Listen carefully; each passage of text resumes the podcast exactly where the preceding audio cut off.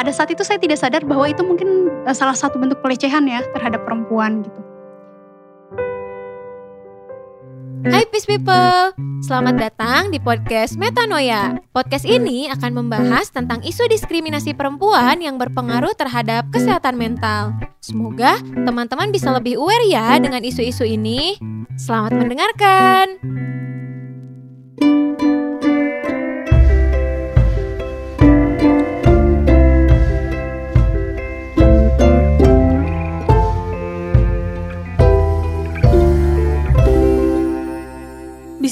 Bismillahirrahmanirrahim.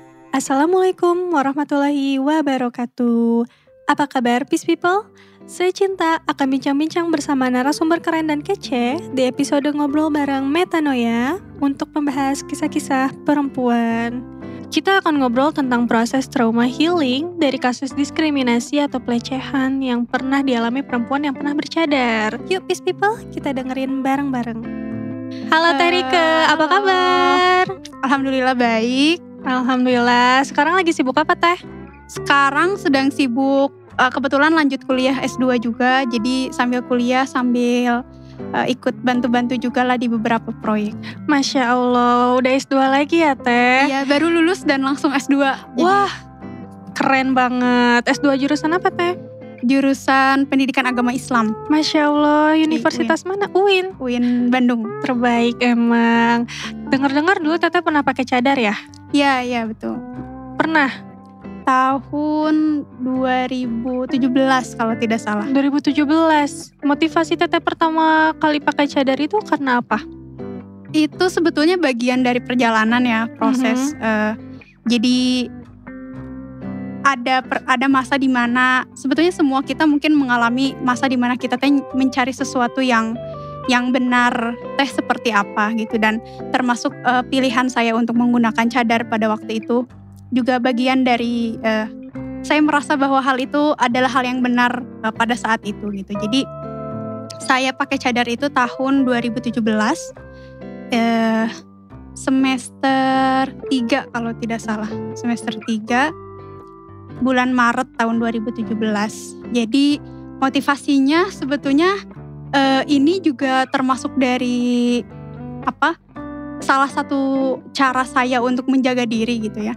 Jadi dulu itu waktu semasa SMA ada semacam warning dari guru ngaji untuk uh, kamu harus tahu situasi kampus bahwa tidak sebaik yang kamu pikirkan meskipun kamu kuliah di UIN. Uh, kamu tetap akan dihadapkan dengan pria-pria yang kamu mungkin pikirnya itu alim tapi mereka ternyata ya memiliki itulah. imajinasi lain ya teh. Nah iya betul. Nah jadi eh, karena saya terbiah, terbiah itu di UIN termasuk eh, terkenal perempuannya banyaknya syar'i mm -mm. karena memang satu peraturan dari fakultasnya tidak boleh pakai celana gitu ya terus memang saya juga nggak tidak tahu apakah ada hubungannya dengan latar belakang mereka atau tidak tapi memang rata-rata jilbabnya syar'i gitu ya. Yeah. beberapa juga ada yang pakai cadar.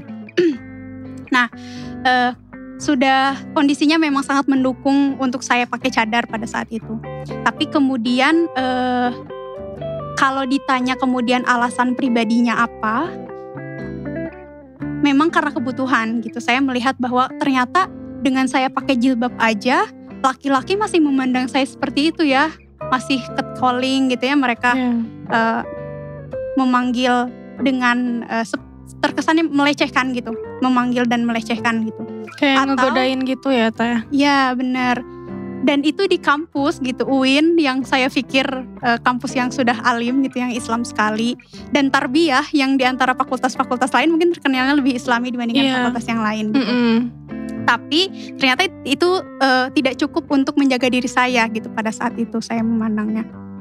Uh, melihat bahwa saya tuh sudah syar'i gitu ya jilbab saya bahkan uh, bisa selutut gitu. Saya tidak ada bagian yang ketat-ketat uh, sebagaimana mestinya lah gitu ya pakai kaos kaki pakai pakai handshock sarung tangan begitu pakai. Tapi uh, kenapa ya pertanyaannya dimulainya dari sana gitu? Kenapa laki-laki masih memandang saya seperti itu gitu ya dalam tanda kutip seperti itu? Jadi melecehkan gitu ya. Yeah. mungkin pernah ngerasain juga lah eh, kita sudah sudah syar'i gitu ya. Mm -mm. tapi kenapa gitu dipandang seperti itu? Nah terus saya akhirnya, aduh gimana ya? Uh, apa yang harus saya lakukan supaya hal itu terhenti gitu, supaya orang bisa melihat saya biasa aja, tidak uh, apa bergairah. Jadi ya mereka melihat ya melihat saja, tidak ada unsur-unsur yang misalkan Gak ada rasa-rasa apa pun. Nah, iya tidak ada ketertarikan uh, rasa kagum atau Iya. ke arah uh, seksual gitu. Nah, karena saya sudah syar'i, pada saat itu saya memutuskannya adalah pakai cadar. Pada saat itu ya udah saya mah udah sudah syar'i, lingkungan mendukung, terbiah gitu ya. Eh syar'i mendukung juga, dosen tidak masalah. Akhirnya saya memutuskan pakai. Dan saya eh orang tua tahu bahwa saya sering kajian ke masjid Trans Studio Mall misalkan. lingkungan yang memang eh, banyak juga yang menggunakan cadar gitu, terbiasa menggunakan cadar eh, orang tua mama tahu bahwa ya saya nyaman dengan pakaian yang tertutup gitu. Nah, eh, yang jadi problemnya adalah ketika mama dan bapak beda ininya. eh, Kenapa teh ada ada hambatan atau tantangan kayak orang tua nggak setuju atau kita sedikit ada kata-kata nggak enak gitu ke kita? Iya sebe- sebetulnya karena di tahun 2017 itu eh, banyak kejadian terorisme, aksi-aksi Hmm. terorisme. Iya. Nah, jadi sebenarnya kan ketika saya dapat izin itu sangat bahagia ya dapat izin pakai cadar di lingkungan yang notabene itu masih sangat asing, tapi itu memang ke kuliah gitu pakainya. Tapi kalau di kampung mah nggak pakai gitu. Terus, jadi selama satu tahun itu teh benar-benar bersembunyi pakai cadarnya teh gitu. Iya. Jadi saya pakai cadar itu 2017 bulan Maret, Berapa Dan- tahun teh? setahun. Setahun. Buka cadar di 2018 bulan Maret juga. Eh, setahun full itu jadi istilahnya ya sembunyi-sembunyi dari bapak gitu tapi mungkin orang tua mah udah punya feeling ya pasti ngerasa eh, ada sesuatu yang kenapa beda dari dari perlakuan lah misalkan kalau saya turun motor eh, jadi cadar itu di double masker kan Iya. jadi pas saya turun motor teh yang pertama kali saya lakukan adalah memasukkan tangan ke kerudung, melepaskan tali cadar di dalam. Itu kan kalau sekali dua kali mungkin nggak akan ngeh ya, tapi kalau kejadian itu berulang setiap hari pasti akan ngeh gitu pada akhirnya. Nah, eh, kemudian eh, bapak mulai mengajukan, eh, mulai mengeluarkan pandangannya lah pendapatnya tentang cadar. Mau orang mati-matian bilang bahwa itu tidak berhubungan dengan ideologi juga orang yang ngelihat pakai cadar itu pasti berpandangan bahwa ah orang cadar mah radikal teroris gitu ya Bener. pasti Mm-mm. pasti kayak gitu kan bahkan sampai sekarang pun kan anggapan Iya. itu masih ada gitu. Dianggapnya yang bercadar tuh lebay lah, terlalu mandang rendah ke orang lah Nah. gitu kan. Iya betul. Jadi ada anggapan-anggapan seperti itu gitu dan perasaan saya pada saat itu gitu ketika orang tua bilang seperti itu, aduh bapak nggak tahu aja kalau anaknya pakai cadar gitu ya di kampus. Tapi pembelaan saya pada saat itu adalah karena kampus aman, kampus adalah tempat yang aman dan nyaman untuk saya yang pakai cadar gitu pada Iya. saat itu. Oh iya, saya lupa tadi nggak nyeritain juga. Jadi pas pakai cadar itu saya merasa terancam dengan keberadaan seorang pria yang mendekati saya sebenarnya pada awalnya. Jadi Terancam seperti apa teh? diajakin makan. Ah. Jadi pada saat itu menurut saya ketika ada laki-laki yang ngajak kamu makan berdua itu tes sesuatu hal yang salah gitu dan cadar adalah bentuk perlindungan saya terhadap diri saya dan terhadap prinsip saya gitu. Jadi pada saat itu saya pokoknya nggak boleh perempuan laki-laki makan berdua atau nonton berdua apalagi yang punya kecenderungan perasaan gitu nggak boleh. Jadi lebih overprotective ke diri sendiri gitu ya Nah, teh.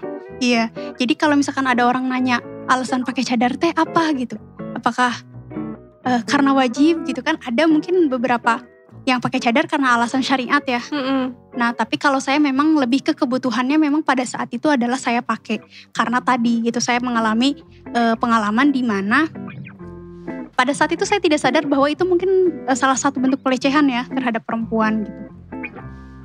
Melihat yang melihatnya nggak ngelihat normal, jadi seperti ya mungkin tahu lah ya pandangan laki-laki kalau tertarik tertarik Iya. dalam tanda kutip Iya. kayak seperti apa gitu dan pada saat itu saya belum ngeh bahwa itu teh bisa dikategorikan juga sebagai bentuk pelecehan gitu.